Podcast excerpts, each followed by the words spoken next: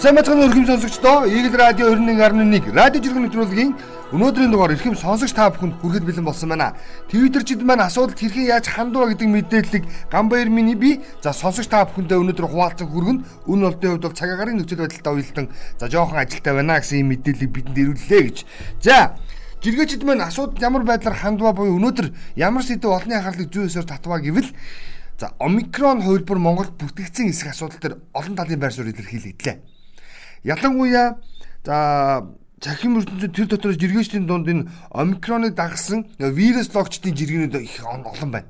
Тэгээ нэр бүхий өөр мэрэгжилтэй ч хийлээ вирус логч болцсон хүмүүс маш олон байгаа даа. Тэгэд сайн дураараа вирус логч хийж байгаа хүмүүстэйгээд хэлэхэд онцлоод хэлэхэд үнэн зөв мэдээллийг олон нийтэд бас түгээдэг баяа гэдэг зүйлийг онцлох гэдэг. За эрүүл мэндийн байгууллага ялангуяа Улсын онцгой комиссийн дэргэдэх эрдэмтдийн зөвлөлийн нарийн бичгийн дараа Батбаяр гэдэг За энэ вирус судал чиглэлийн хүн байдаг. За миний санаж байгаагаар англи боловсрол эзэмссэн. Энэ эрхэм за албан ёсоор хэлсэн. Ерөнхийдөө омикрон хувилбар Монголд албан ёсоор бүрдэгдээгүй. Нэг өөрөөр хэлэх юм бол а коронавирусын эерэг тохиолдлуудын тоо бол нэг газраас буюу зөөлөж ирсэн тохиолдол олон батлагдсан үнэ. Харин тэр дотор ямарваа нэгэн байдлаар дэлхийн нийтийг айлгаад айлгаж байгаа гэж хэлээд яригадаад байгаа омикрон хувилбар огт байхгүй гэдэг зүйлийг онцсон. Маш энгийнээр тайлбарлал өмнөд Суданаас ирсэн 240 гаруй цэргийн албан хаагч ээлжийн хугацаа дуусаад эх орондоо ирсэн эдгээр хүмүүсийг 10-аас 14 хоног тусгаарлаж байгаа энэ энхийг сахиулагчдын амралтан дээр за тэгтэл тэр хүмүүсийн 120-ын тохиолдол нь эерэг бүртгэгдсэн. Тэгэхээр үүнийг ямарваа нэгэн байдлаар 240 гаруй хүмүүсээс 50% нь үндсэндээ эерэг бүх гарсан байна шүү дээ. 120. Тэгэхээр үүнийг омикрон гэж олон нийтийг үүмд сандрах гэсэн ийм оролдлого ташаа мэдээлүүд байж болохгүй гэдэг зүйлийг онцлсон.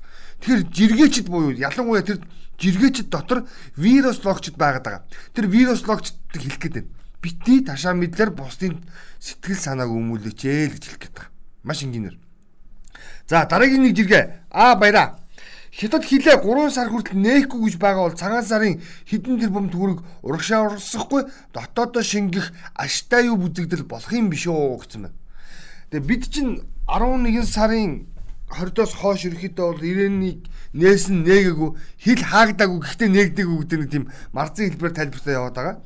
За үндсэндээ ирээнд буюу за хятадын яг замун үед бомбтой хилэлдэг энэ хотод коронавирусын юуны халдвар бүртгэгдснээс хойш бол тодорхой хэмжээнд үйл ажиллагааг хязгаарлалчихсан хүний гар ажиллагаатай буюу автомашины тээврийг бол зогсоосон зөвхөн төмөр замын тээвэрлэлт одоо албасаар явагдаж байгаа гэж ойлгож байна. За тэгээд өвчин төвчөндөө холбоотойгоор 150 гаруй автомашин бол ачаад байгаа хөлийн цаана бол гацчихсан байсан гэж бол татах ажлыг зохион байгуулсан. Эхний ээлжинд бол нөгөө алдартай 30 машиныг бол оруулж ирсэн.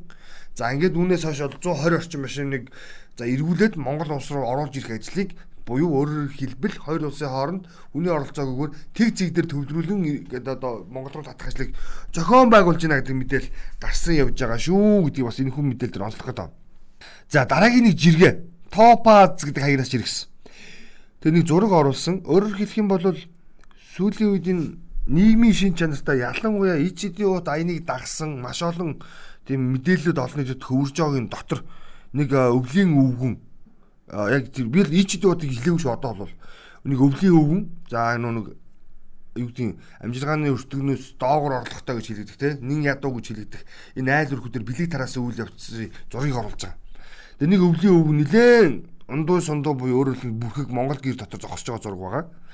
Тэгээ топац энийг юу гэсэн бэхэр энэ бол цэвэр хувь хүний арчаагүй зам байдал шүү. Амиач аргацаа чадахгүй юмнууд олон хүүхэд гаргаж мөнгөөр нь л арх гудрадаг даа гэд. Яг энийг бид нар яриад байгаа өмнө ч гэсэн дугаар дээр бид нар бас хэлж өстэй. Тэгээд яагаад тэр хүмүүс тэр хүүхдийнхаа гар хөлийг угаачч болдгоо юм бэ? Яагаад тэр хүмүүс мөр бүтэн буюу өөрөөр хэлбэл урагдад цоочныг нь оёод өмсгөж чадлаггүй юм бэ гэж л асуух. Тэгсэн хэрнээ өөртөө сухтуу байгаад байдаг. Тэгэд энэ өвлийн өвгний зургийг ингээд харахаар бас л яг тийм байна. Уг нь их сайхан Монгол гэр байна.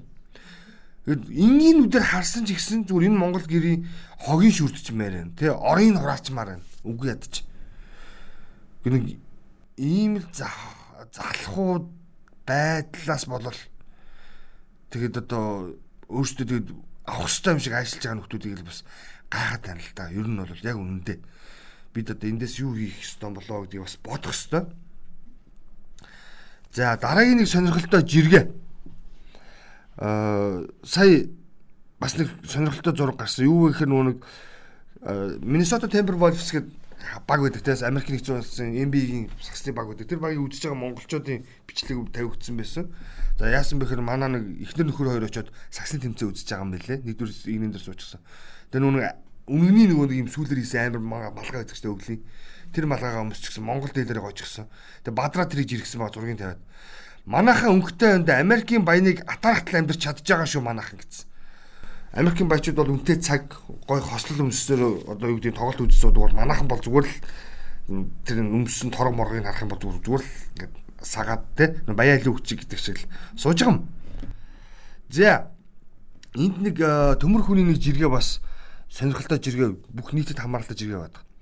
Баян хүн хоосороход нүнжиг нь байж л байдаг. Харин ядуу хүн гинт баячаад үнэр нь арилдаггүй маа. Монгол ардын зүрж зүг гэдэг. Энийг юун дээр хэлэх гээд байна вэ гэхээр нөгөө нэг л бид нар бас дахиад ярьдаг. Өсгийн үлэнгөө бүгдөө дарж сурья. Яг энэ хоёр нийгмийн шилжилтэнд байсан хүмүүс бүгд энэ өсгийн үлэн гэдэг юм сонин юм өвчтэй болцсон. Тэгээ тэрийг дарж дийлдэггүй бид нар яг үнэндээ. Тэгээ надад ч гэсэн магадгүй нэг хэлбэрээр ямар нэгэн хэлбэрээр энэ байгаа. Тэгэхээр бүгдөө магадгүй ирээдүйн хойч үедээ ямар хандлагыг өвлөх ёстой вэ гэхээр энэ өсгийн үлнөө дарж сурах тийм энэ хандлага бид нар жоохон тодорхой хэмжээнд дарж сурмаар байна гэж хэлдэг. Тэгээ энийг яагаад онцолж яаг нэр саяхан бас сахим орчин жиргээч ч гэсэн бас бичсэн байсан. Бас нэг хөөрхөн залуугийн зураг бас яваад байсан. Яасан бэ гэхээр нэг ахмад настангуудад яг одоо нэг 2000-аас хойш оны хүүхдүүдийн гаргаж байгаа хандлага шалгуур болчихсон. Ингээд сайн байна уу? Танд туслах уу? Эсвэл одоо тэр 2000-аас оныхноос хойш хүүхдүүд ямар хандлага байна гэхээр энэ хаалгаар орно, энэ хаалгаар гарна гэдэг ойлголт заавал байгаад байдаг. А тэгвэл тэрнээс өмнөх үеийнхэн буюу мань мэтийн үеийнхэн гэж хэлэх юм ба тэ нөө өсгийн үлэнтэй нөхдүүд маань яадаг вөхөр орносын хаалгаар заавал гардаг ч гэдэм үү тэ нэг тийм хаана онгорхоо байна тэ хаана очир суулаа гэдэг тийм юм ингэж гүйдэг болцсон. А 2000-аас хойш оны хөвгөлөөр яаж нэхэр энүүр орох ёстой гэсэн бол энүүр л орно. А түүнээс тэр онгорхоо хаалга хажуудлан байсан гэсэн тэрүүр энэ Хэрэв орох байсан бол орох гэж бичих хэвээр. Бичээгүй учраас би нүр орж болохгүй байна гэдэг ийм сэтгэлгээний ялгаатай байгаад байгаа маа. Тийм учраас би хиний төмөр хүний Монгол ардын зүрс зүгийг та бүхэндээ дахиад уушаад бий. Баян хүн хоосороход нүнжиг нь байж л байдаг. Ойлгож байгааз? Тэр хүн ямарваа нэгэн байдлаар нүнжигтэй үйл зантай одоо өөрийн гэсэн одоо юма бүрдүүлсэн те үлбэг талбаг хийдэггүй гэсэн үг байхгүй. Харин ядуу хүн гинт баяжхад үнэр нь арилдаггүй Монгол ардын зүйц зүг гэдэг шүү дээ. Тэр өсгийн үлэнгөө бүгдээрээ дарж сурьяа л гэж. Хааштай хэний ч буруутах харахгүй. Хоёр нийгмийн золиос олчихсан ийм хүмүүс зөндөө би бидний дотор. Тэгээ тэр хүмүүсийн маань үлдэгдэл та одоо өгөж өж нийгэм сайхан болно гэдэг хатуу боловч үнэн үг яваад байдаг. Тэр тэр хүмүүсийн үлдэгдэл юу хийж ийнэ гэхээр одоо хамгийн ихээр нийгэмд ямар гай тарьж байгаа гэхээр автобусанд ороод бусдын суудлыг дээрэмддэг. Эсвэл хин нэгэн дугаарлаа зогсож хаад би энэ ч байсан гэж худлаа чигтдэг. Эсвэл настай хүн гэдэг нэрийдлэр бусдаас нүг бүх хүн тэгш хэрэгтэй бүх амьтан тэгш хэрэгтэй гэхдээ гахаа давуу хэрэгтэй гэдэг шиг аашилдаг энэ өсгийн хөлөнгөө бүгдээрээ дарж сурьяа л гэж магадгүй манай сонсогч нар санал нэг байгаад энэ асуудалтай холбогдвол бас бидэнтэй за санал одоос хуваалцаач ээ гэж хэлэх гээд байна. За энд нэг э, марцан бас нэг юу жиргээ явсан.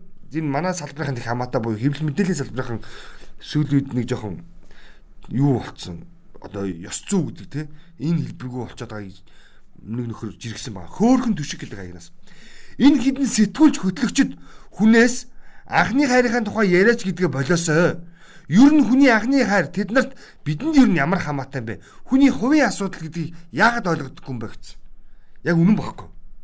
Бид нөгөө хитрхи дотомчлох гоч гэдэг юм уу тэр хүнээс нөгөө нэг сонин содон юм ямарваа нэгэн байдлаар босод түгээх чинь гэж байгаагаа хувь хүний аюулгүй байдал буюу хувь хүний өөрийн нууцын чанартай мэдээлэл рүү түрхэж ордог бид.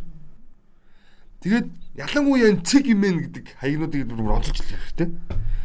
Одоо өмнө ч бас хэлжсэн доо нэг лайкны гуйлагчгууд гэж хэлээд байгаа шүү дээ. Ямар ч асуудал болоогүй хахад болсон мэтээр бичдэг тий. Тэгээд тэрэндээ сүржин нэртэй даржин мэдээлэлтэй мэдээллийг гаргадаг. Тэгээд энэ нөхдүүд яг ингээд тэр хүнийг амьдрах ямар ч орон зайгүй болтол нь асуудал тандаад байна. Үүнээс чинь болоод маш олон хүний эрх зөрчигддөг. Би уг нь ярихгүй гэж бодсон боловч зүгээр нэг зүйлийг хамгийн сүүлд болсон эмгэнэлтэй бодлого мэдчихэж байгаа. Гурван ч насны гурван хүн тий гурван өөр насны гэдэг чинь гурван өөр орчинд өссөн тий гурван өөр одоо ийм хүн за өндөр дээрээс амиа орлох үйлдэл хийсэн тий Үүний улбаанаас үүдээд Эрдэнэт нэг хүний аймагаас ирсэдсэн тий нэг хүн одоо биеийн байдал нь амар хүнд байгаа гэсэн ийм мэдээлэл цацагдчих. Тэгээ энэ мэдээлэл гарснаас хойш нэг цэг имэнийхэн буюу лайкны гуйлагчингуудын хийж байгаа ажил тэр гурван хүний хувийн орон зайг бүр хитрхи бүдүүлгээр хаалдчих. Дахиж тэр хүн эрүүл чирэг болоод нийгэмд амьдрах ямарч боломжгүй болгож байна. Энэ хүн тэгдэг байсан гинэ, ингэдэг байсан гинэ, Тэ? Гэр бүлтэйгээ ийм харилцаатай байсан байна. Бараг л хувийн дасны дугаар нь бичих гээд. Ингмээргүй байна. Цэг имэний хаан. Бүр онцлохгүй. Тэгэд бас нөгөө талдаа манай сонсогч нар зүгээр нэг юм давлага хийх ёстой. Магадгүй ташаа мэдээллийг сүржин нэртэй даржин мэдээлэлтэй сайтуудыг андаг байя бүгдөө. Зүгээр л unfollow гэж бид нар ярьдаг те. Ийм үйлдэл хийя л гэж. Тэр болгоно л лайк дарж ордог байдлыг халъя бүгдөө хааштай худлаа гэдгийг мэдсээр үжиж орж дараад байдаг нөх хүний тэрэг зам байдаг штэ. Өсгийн өлөн зангаа бүгдээрээ жоохон татъяа л гэж. Тэгээ энэ мэдээлэлтэй зэрэгтэй яг сая бас нэг жиргэн дээр гарч ирсэн л байсан л та. Юу ярьсан бэ гэхээр дээрх одоо эмгэнэлтэй үйл явдал буюу амиа орлох гэсэн үйлдэлтэй холбоотойгоор онцгой байдлын аврагч нарын багаж тоног төхөөрөмжийн хомсдол гэдэг юм нийгэмд бас анхаарал зүйлсээр татаж эхэлсэн. Тэрийг эгүүр цэг юм байна гэд мэдээлэл сайт гэдэг. Интернет гүүр гэдэг нэр штэ уг нь. Эгүүр хэр бид нар гол ус бодоод байдаг штэ. Үгүй юм бэлээ. И гүүр буюу интернет гүүр гэдэг сайтынхан мэдээллийг нь гоё харсан байсан. Яаж харсан бэ гэхээр бид нар бас мэдээлэл их сурвалжийг дурдах зүг баг тийм ээ. Яаж харсан бэхээр улсын хэмжээнд ямар нэгэн байдлаар өндрөөс хүн ингээд унах тохиолдолд аврах одоо гуц буюу те доор нь тосдог нэг юм дөрвөлж юм улаан байдаг штэ. Тэр нэг гин ширхэг байдаг аврах гуц бүгд найрамдах Монгол ард улс одоогийн Монгол улс уучлаарай. Хүн өндрөөс унвал авран хамгаалах гудс гэдэг зүйл нэг гих хэрэг байна гэдэг бол ичмээр. Тэгэд тэр аврах гудс нь өөрөө бас тодорхой хэмжээний даацтай байдаг. Маш энгийнээр тайлбарлал тав хүртэлх давхраас унсан ямарваа нэгэн амьд биетийг авах зорилт. Гэтэл өнөөдөр Улаанбаатарт баригдаж байгаа байшин барилгуудын За үндсэндээ бол 60-70% нь 9-өөс 15 давхар байж байна. Зарим нэг барилгууд бол 20 гарцсан юм. 22 3 давхарч байгаа. Тэ? Одоо орон сууцны орол бол тагжгар тагжгар тавчг шиг юмнууд бол барихаа болчихсон. За үндсэндээ тэгээд өндөр өндөр байшин ашигын төлөө барьдаг байсан үүдэлтэй. Гэтэл тэр өндөр дээрээс ундаж байгаа ямарваа нэгэн байдлаар буюу өөрөөр хэлэх юм бол биетийг аврах гуц Монгол улсад алгаа л гэж хэлээд. Энэ өөрөө манай улс ямар дороотцсон юм бэ гэдгийг илэрхийлэл. Өмнө нь бас бид э, жиргээ нэвтрүүлгээр бас хэлжсэн. Хөдөө аймгийн одоо нэг 360 гаруй сумд байна тийм үү? 21 аймгийн эдгээр 360 гаруй сумд уучлаарай. Гарын 10 өрөөнд багтах сум нь л аврах буюу гал унтрах ангитай. Машинтай гэсэн үг үндсэндээ. На бусад сумд байхгүй. Сая зүү аймагт нэг галт өмөр гарч ирсэн. Тэ намар. Тэгэхэд тухайн объект нэг объект шатсан. Гэтэл хажуутлын сумаасаа гадал унтрагч нь гуйдаг. Тэгээ дууддаг. Тэр хоёр сумын хооронд 40-50 км-ийн зайтай. Агуугац 40-50 км-ийн зайд гал унтрах машин дахиж очисоор тэр объект үндсэндээ бол за ингээд нэг сор залаад дуусчих юм да гэж. Тэгэхээр бид хаана байгаа вэ гэдгийг бас бодолцох хэрэгтэй. Бид хаана хөрөнгө оруулах ёстой вэ гэдгийг бас бодох хэрэгтэй бүр онцлоод хэлэхэд энэ Монгол улс өөрөө хөрөнгө оруулалтын эрэм гэдэг зүйлээ яалтж аргагүй шинжилээ яалж лээд. Манай жиргэн нэвтрүүлгийг сонсож байсан сонсогчид бас мэдж байгаа бах. Бид нөгөө хөрөнгө оруулалтын хааны дүү гэхээр соёлын төв өргөө биш ээ. Сумын улаан болон буюу соёлын төвийн дээвэр аргон хөгжмийн солиход хөрөнгө оруулалт хийж гинэ гэж шүүмжилсэнийг санаж байгаа бах. Яг тэрнтэй агаар нэг гэдлэр өнөөдөр хөрөнгө оруулалтын жигсаалт гэдэг юмыг заалжшгүй шинжилье л гэдэг зүйлийг энэхүү жиргээр онцолж та бүхэндээ хэлж байгаамаа. За дараагийн нэг мэдээ. Оргил ньюс цэг юм байна гэдэг аягнаас жиргсэн. Энэ нөгөө нэг сэтгүүл зал байдаг. Хоёр хөвөн бялавд нүдэлцээ дүүгийнх нь хазар ам хүүхнийг болчихжээ. Шатар тоглож байгаад хожигдонгуудаа шатраа аваад цаццсан гин ахыгаа хил амар доромжилсыг нь бүр зодолдохын тулд нүүрлүүн биш бүгс гуйрын зодож бай гэдэг чиглэлийг агт нь өглөө. Энэ яхаа нөгөө нэг хоржон талтай яг тэр айлын хүүхдүүд ерөөхдөө нэг юм одооны нөгөө нэг хүүхдүүд бидний шиг биш болчихжээ гэдэг чинь дахиад уйжил гэдэг. Тэг өнөөдрийн жиргэний ерөөхдөө өнгө нь бол та бүхэн анзаарсан ба. Бид хойч үедээ тийм үү зөв хандлага хүмүүжил өсгийн үлэнгийн дард сургах энэ арга ухаан бидэнд өгүүлж байна гэдгийг тодоос тод хилээд байгаамаа. Яа. Өнөөдөр бас жиргээчдийн хамгийн өөр хоорондоо шидэлцэн зураг бол яхаа аргагүй нэг дотор өмднийх нь өвзгөн урагдчихсан эрэгтэй хүний зураг бол явсан. Тэгэд яасан бэ гэсэн чинь хилэнэ гэжээ гэдэг тайлбартай зураг. Яг тэр энэ энэ хамгийн муухай мэдрэмжлэлтэй яагаад вэ гэхээр бид дотор өмдөө ч өөртөө ойж чадахгүй байна л гэдэг илэрхийлэхгүй. Тэгээ нэг залуугийн зураг яваад байгаа. Өвзгөн урагдчихсан. Тэгээд дотор өмднийх нь буюу бандашгных нь өвзгөн урагдчихсан манайх чинь бандаж чинь алтартай шүү дээ. Ер нь монголчуудын хувьд бол төрийн ордон дээр ордны энэ дээрээс хүртэл бандажны тайлбарыг зогсож идэг бас л агуул арт түмэндээ. За одоо энд нэг юм бас нэг сонирхолтой жиргээ байсан. Аа нөө нэг эх оны буюу өөрөөр хэлбэл 2022 оны 1 сарын 1-ээс хэрэгжиж эхлэх хуулиуд гэсэн чинь 3% байлаа. Яг үнэндээ. А тэгсэн хэрнээ өнгөрсөн 7 оны баасан гарагт улсын хурал нэг өдрийн дотор 143 хуулийг батлаа гаргацсан шүү дээ. Аимшигт байгаач 143 хууль дээ. Тэр нь үдээс өмнөх хуралдаан дээр. А тэгмгүүтээ 2022 оны 1 сарын 1-ээс эхлээд 3 хууль хэрэгжиж байна. Энийг нь бол хөдөлмөрийн тухай шинжилсэн хууль буюу та бидний хөдөлмөрийн харилцааны за ажил олгогч болон ажил гүйцэтгэгч нарын хооронд байгуулах гэрэн дээр ямар зүйл заалтууд авахын чөлөө хэрхэн авч болохын за бас хөдөлмөрийн хуулиас зүгээр надаа айгүй олон шинжил харагдсан хамгийн гоё юм нь бол эрэгтэй хүнийхээ хувьд бол аавын 10 хоног гэдэг те энэ бол аль бичиж байгаа юм байлээ. Байгууд чи ямар төрсөн юм ихний чин төрсөн болохоос гэж хэлээд аавуудыг бол үлдэх тал руу байдаг. Тэгвэл аавын 10 хоногийг аль бисор цалинтай болгож ингэж олгож байгаа юм билээ энэ хөлбөмбөрийн хуулинд. За хоёр дахь хууль нь бол нийслэлийн эрх зүйн байдлын тухай хэрэгжиж эхэлнэ. За гуравт нь болохоор Монгол улсын төсвийн тухай хууль хэрэгжиж гэж. Өөр хууль байхгүй. Тэгээд одоо яг ямар хуулиуд эднээс хэрэгжих гээд байгаа тэр хуулиудын хэрэгжилтийг хангахад бид юу хийх вэ гэдэг мэдээлэл байхгүй байгаа учраас энэ хүч эргийг бас та бүхэндээ за сонирхолж мэдээлж байгаа маа. За inspire заяа зэрэгсэн. Хятад улс 3 дахь жилдээ цагаан сарыг тэмдэглэхгүй. Олимп хүртэл ямар нэгэн байдлаар аялуулахгүй Голланд улс өнөөдрөөс 1 сарын дунд хүртэл хөл хорой аль биесээр тогтоож байна. Ром, Парис шинэ жил тэмдэглэхгүй гэдгийг зарлалаа. Харин Дани, Ирланд, Австрали, Япон хөл хоройгоо чангатана. За бид ийм алхам руу орохгүй ганцхан боломж байгаа. Ерөөсө 3 дахь тундаа бүгдээ хамрагдчихъя. Тэ мэ? Хот хот инээгээд захаа хамрагдъя. Хоёр дахь юм л ямар нэгэн байдлаар хил гайлыг хязгаарлалт буюу үйл ажиллагааг хязгаарлах гэхээс илүүтэй дархлаагаа дэмжсэн За энэ үйл ажиллагаар руу бүгдөө идэвхжүүлэн оролцож за зайлшгүй биш бол бүгдөө зайлшгүй биш бол ерөнхийдөө бол үйл ажил одоо гадуур тэнэхгүй байя гэдэг зүйлийг энэ дээр онцлох гээд байгаамаа та бүхэндээ. За энэний араас нэг хөөрхөн жиргээ явна. Ямар жиргээ гэхээр ингэсэн байсан. Бууга гэдэг хаягнаас жиргсэн. Манайхан ч явж байгаа газар идэж байгаа хоолундаа зураг болгоно буулгаж ихэл аялах дуртай арт юм юм да. Аялын тэмдэглэл гихүүдээ тэрийг нь орсууд ойлгохгүй байгаа юм шиг байна. Ажил ажил бол ажил, хувийн аялал бол хувийн аялал. Энэ яасан бэхээр нэг орсууч биднийг их шүмжлэх, гоочлох дуртай болчиход байгаа.